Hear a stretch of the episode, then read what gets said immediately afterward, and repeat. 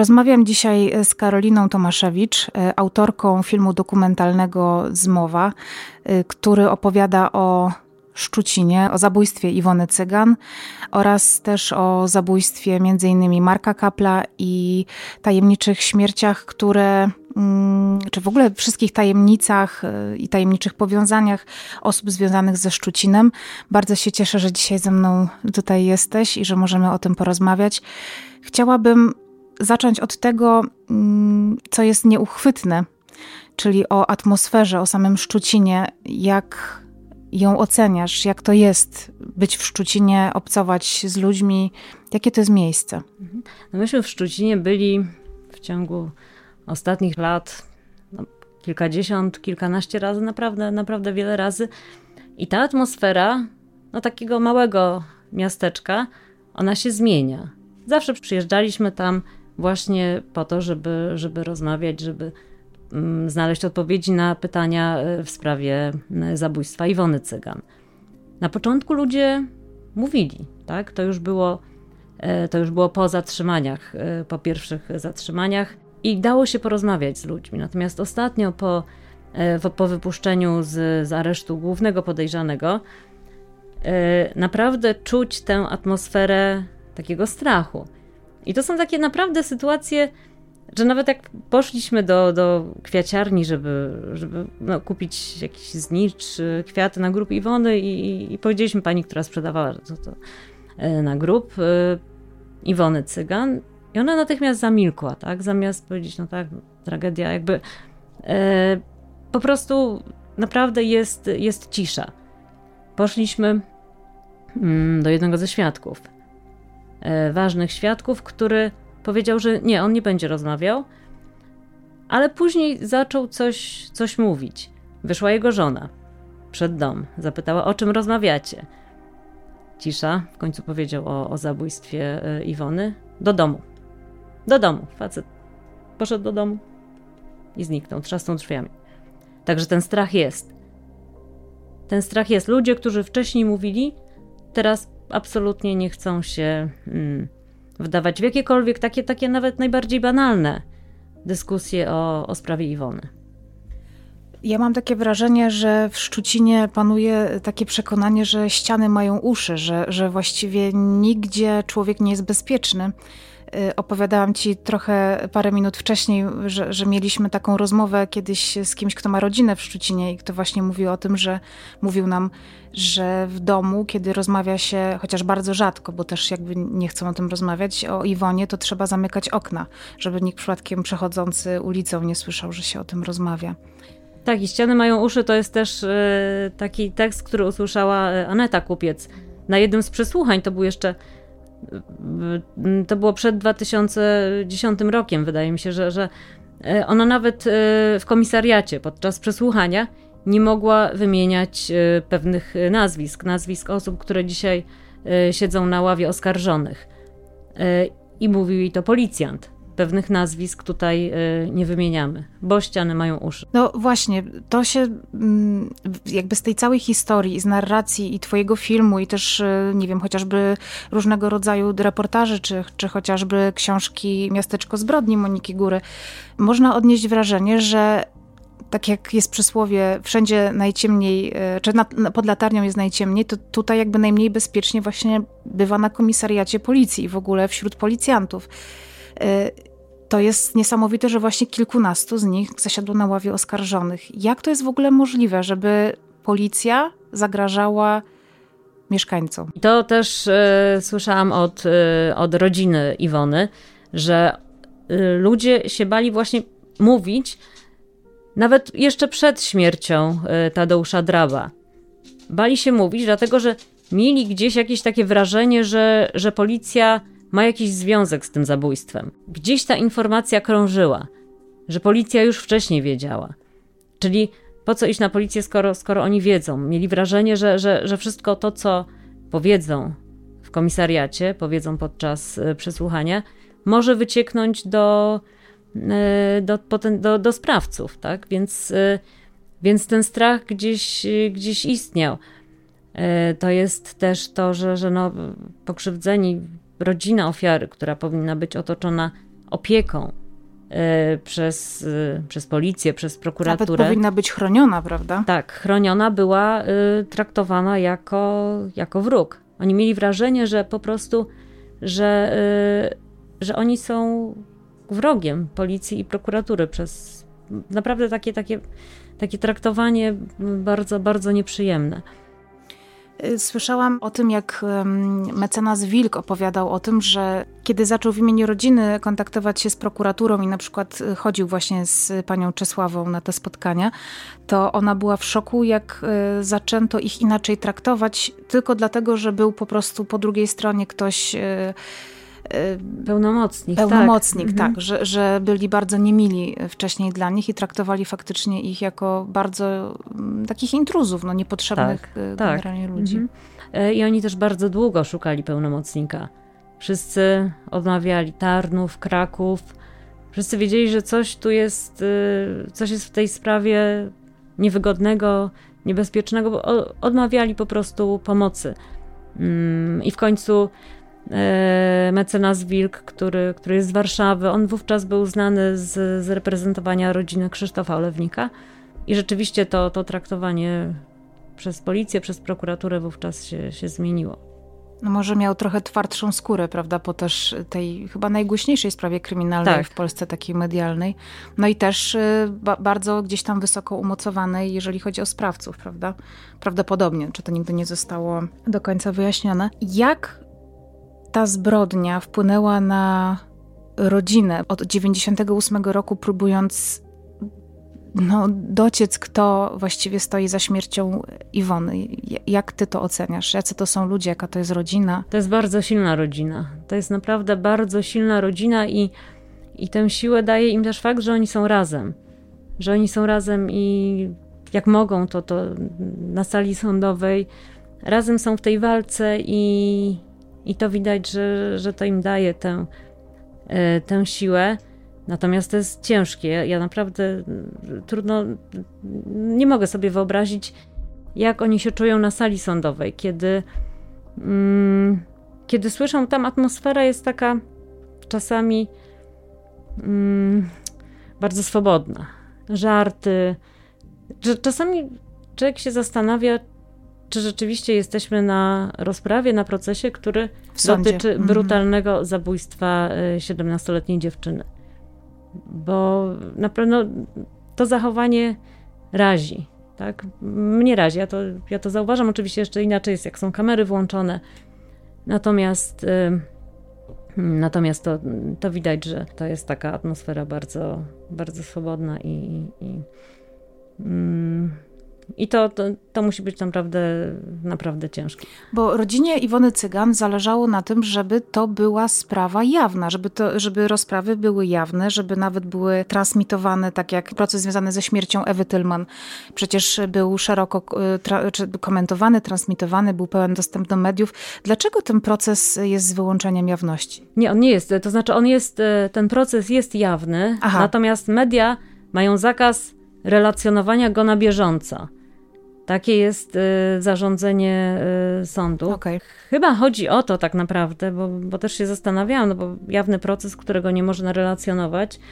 To jest taki e, trochę oksymoron. Tak, tak, natomiast no, chodziło o to, żeby medialne relacje nie wpływały na zeznania świadków, którzy jeszcze nie byli e, przesłuchani, co znacznie utrudnia pracę, bo coś wiemy, ale nie możemy tego powiedzieć, bo, bo jest, e, jest zakaz. Tym bardziej, że często podejrzani zmieniają swoje wyjaśnienia, świadkowie zeznają zeznania, e, zmieniają zeznania w czasie w czasie procesu. I myślę, że ten brak taki, bo na początku było ogromne zainteresowanie mediów podczas pierwszej rozprawy, właściwie cała sala była pełna, trzeba było mieć specjalne akredytacje, tak, się zgłosić, bo nie ze było względu miejsc. na liczbę mhm. tak miejsc.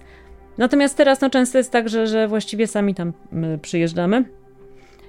I media no, też siłą rzeczy nie, aż tak się nie interesują, wiedząc, że, że nie będą mogły tego e, relacjonować, tak, tego, co, co tam się dzieje, co myślę, że też e, na transparentność tego procesu dobrze nie wpływa. Tak? Znaczy, z jednej strony mamy zakaz relacjonowania tego, co się dzieje, z drugiej strony, no, kilka miesięcy temu główny podejrzany wyszedł z aresztu. A sąd nie przesłuchał jeszcze wielu, e, wielu świadków, więc tutaj też możemy zadać pytanie, czy, czy to nie wpływa na, e, na, na zeznania tych, tych osób, które, które jeszcze nie zostały przesłuchane. I rozumiem, że on po prostu wrócił do Szczucina i tam sobie normalnie tak, funkcjonuje? Tak, podobno tak. E, funkcjonuje, baluje, oczywiście no, jest, jest na wolności. Czy to jest cel, który ci przyświecał właśnie, żeby tej sprawie znowu nadać, czy ona cały czas gdzieś tam jest w naszej świadomości jako tocząca się bardzo ważna sprawa mm, kryminalna, też karna. Y, ale dlaczego ten film ukazuje się teraz? Czy, czy to jest właśnie dlatego, że nie możemy jakby za bardzo tej sprawie mówić w mediach na, na co dzień? I... Nie, to jest jakby też y, to jest taka też próba y, przypomnienia tego wszystkiego, o czym już mówiliśmy wcześniej w magazynach śledczych. Y, tak jakby, bo, no bo często mówimy o, o tej sprawie w jakichś tam urywkach, tak? Natomiast tutaj jakby chcieliśmy pokazać taki, taki ten obraz nigdy nie będzie pełny, no bo to trudno w ciągu godziny opowiedzieć sprawę, o której można by zrobić y, kilka sezonów y, serialu, tak? Tam, tam się tyle dzieje przez no, 24 lata. Yy, więc chcieliśmy jakby podsumować te, te rzeczy, które nam się wydają, yy, wydają najważniejsze. Tam wiemy na pewno, że doszło do zabójstwa, bo najpierw było to uznane jako nieszczęśliwy wypadek. Mówię tutaj o śmierci Marka Kapla. To jest sprawa, która zdaniem bardzo wielu osób łączy się ze sprawą Iwony Cygan. Czy możesz powiedzieć, dlaczego tak jest? E, ta sprawa jest bardzo ciekawa e, i, i uważam, że mm, fakt, że organy y, miejscowa, policja, prokuratura praktycznie od razu uznały, że to był nieszczęśliwy wypadek, jest bardzo ważnym też y, śladem, tak? Jak, to znaczy, nikt na ulicy, ktokolwiek, z kimkolwiek rozmawiałam w Szczucinie, nam w ogóle o tym powiedziała jakaś pani, którą spotkaliśmy. Taka prosta kobieta mówi, pani, tu, tu zginął taki kapel. Pani, ale, ale jak to możliwe? No tak, głowę sobie włożył tutaj pani. No. I, i, I ludzie po prostu się śmieją z tego. Nikomu. Nawet rozmawiałam z Leszkiem W., jednym z, z policjantów, yy, już jakiś czas temu. On też on nie wierzył, że ta sprawa się łączy ze sprawą Iwony, natomiast nie wierzył, żeby to był nieszczęśliwy wypadek albo samobójstwo, więc jakby jedynymi, tak mi się wydaje przynajmniej, osobami, które, które, którym przyszło do głowy, że to mógł, mógł być nieszczęśliwy wypadek, była lokalna policja i prokuratura w Dąbrowie Tarnowskiej. E, więc to jest, to jest bardzo ciekawa sprawa, bo, bo e, o ile przy sprawie Iwony już e, mamy, mamy ławę oskarżonych, to to, czy oni są winni, czy nie, to, to zdecyduje sąd. Więc tutaj mamy, mamy podejrzanych.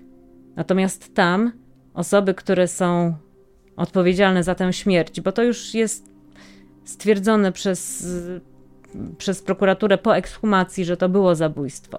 Tutaj sprawcy najprawdopodobniej, no nikt tutaj nie został e, ukarany. No, dlatego, dlatego ta sprawa budzi, no, budzi duży niepokój. Uważam, że no, my, my jej nie odpuścimy i uważam, że inni dziennikarze powinni też, też się zacząć tym, tym interesować, bo oczywiście to postępowanie trwa w sprawie śmierci Marka Kapla. Natomiast no, ważne jest, żeby, żeby to wyjaśnić. Na ile uważasz, że jest to. A, przepraszam, bo jeszcze nie mhm. odpowiedziałam Dobra, na pytanie, w jaki sposób Jasne. ona się łączy ze sprawą y, Iwony. Y, tego, y, tego nie wiem, bo są różne, różne wersje, tak? Z, z wieloma osobami rozmawiałam.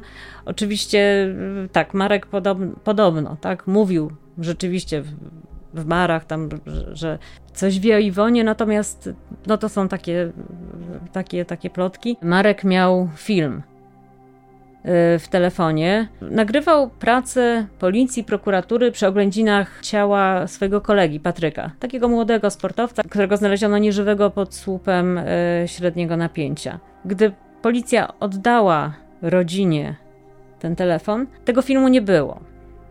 Oczywiście nie wiadomo, prawda? Czy, czy... czy Marek go sam usunął, tak. czy policja go usunęła? Tak. Mhm. Mhm. Tego, tego nie wiadomo, natomiast jest bardzo bardzo wiele znaków zapytania właśnie przy, przy sprawie Marka Kapla. On został najprawdopodobniej potrącony niedługo przed śmiercią przed, przez jakiś samochód. Mhm. E, nie powiedział o tym. No właśnie, bo to też wiemy, że, że doszło do potrącenia, ponieważ e, znalazła się sąsiadka, która e, opowiedziała o tym matce Marka Kapla, tak. że przecież było potrącenie, tam tak. sprawca uciekł. Tak, a on był dość mocno pobity. Po, pobity no. mhm. Tak, też to miejsce, gdzie, gdzie znaleziono Marka no z właśnie. głową między, między betonowymi ogrodzeniami, no to też jest Właściwie to jest to samo mm, ogrodzenie, które, które prowadzi do baru Trabanta, tak? Tego, gdzie, gdzie, gdzie według prokuratury y, przewieziono y, Iwonę, gdzie ją pobito, gdzie zaczęło się jej zabójstwo. Więc to jest, to jest bardzo, bardzo blisko.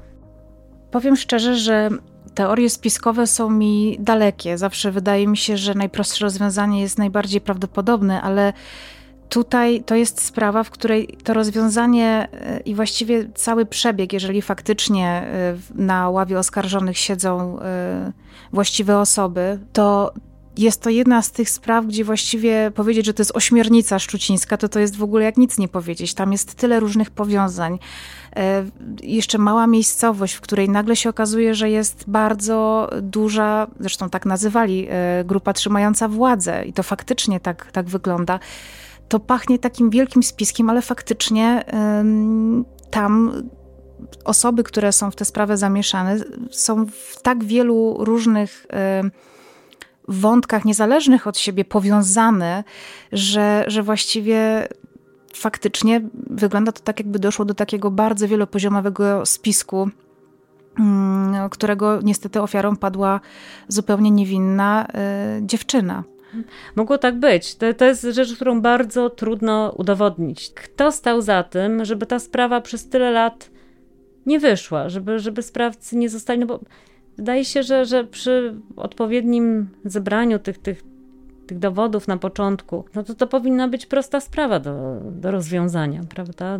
Natomiast tutaj mamy Mamy bardzo sprzeczne zeznania y, świadków, wyjaśnienia podejrzanych, mnóstwo, mnóstwo zaprzeczających się teorii. Jakby ktoś, ktoś próbował tak, tak namieszać w tej sprawie, żeby później trudno było dojść do prawdy. Są też ciekawe zeznania jednego z oskarżonych policjantów, e, Leszka W., który twierdzi, najpierw, najpierw e, jakby przyznał się do, do zarzucanych mu czynów, potem e, wycofał się z tego i zaczął twierdzić między innymi, że podczas przesłuchań w prokuraturze prokurator dosypywał mu czegoś do napoju i on właśnie mówił wtedy to, co jakby mu dyktowano. Czy, czy ta postać jest dla ciebie Właśnie jak, ją, jak oceniasz te, te zeznania, te wycofywanie się i tak, tak dalej? Tak, no to jest bardzo dziwna sprawa. Rozmawialiśmy e, z Leszkiem W. E, właśnie w momencie, kiedy on zaczął się wycofywać z, z tego, co, e, co, co mówił w wyjaśnieniach i powiedział, że go, mm, jak to określił, naćpali.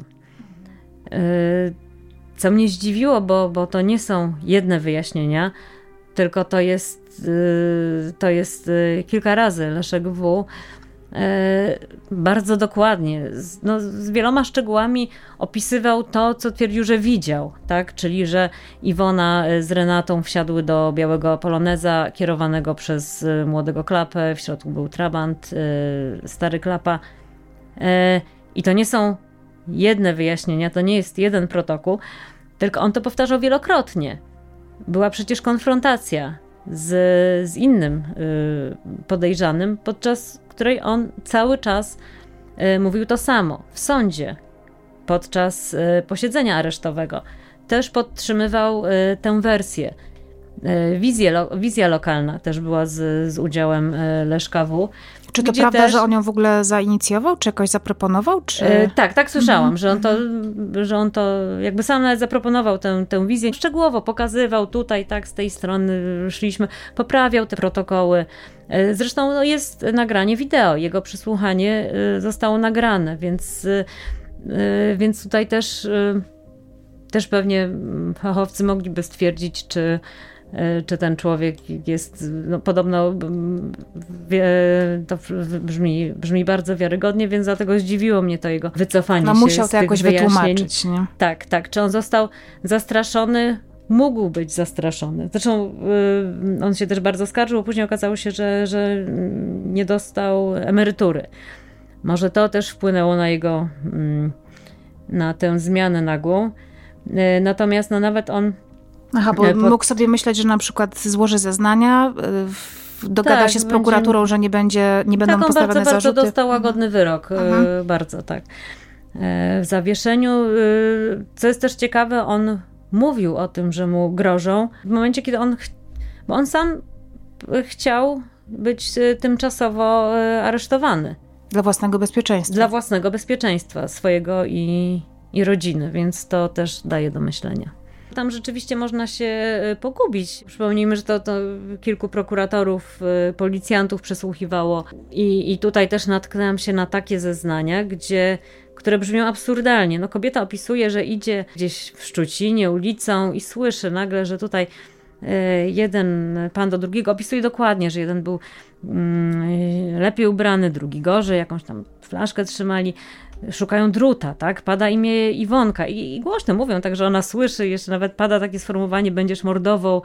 E, no, no coś nie, nie, niesamowitego, no, tych, tych, to jest kilka, kilka stron tych zeznań, e, po czym okazało się, że, że ta osoba, świadek incognito, e, przesłuchiwana później, powiedziała, że to absolutnie te, te, słowa z jej ust nie padły.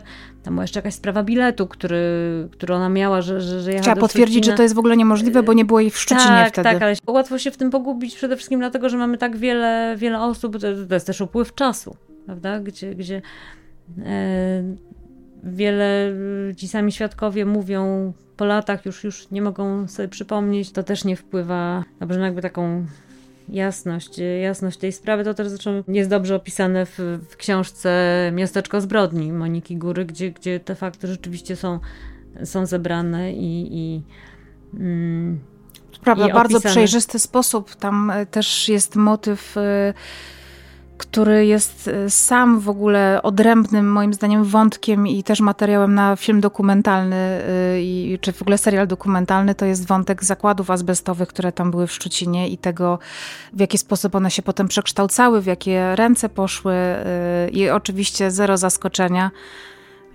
Widzimy cały czas te same nazwiska, które w sprawie Iwony Cygan również się pojawiają.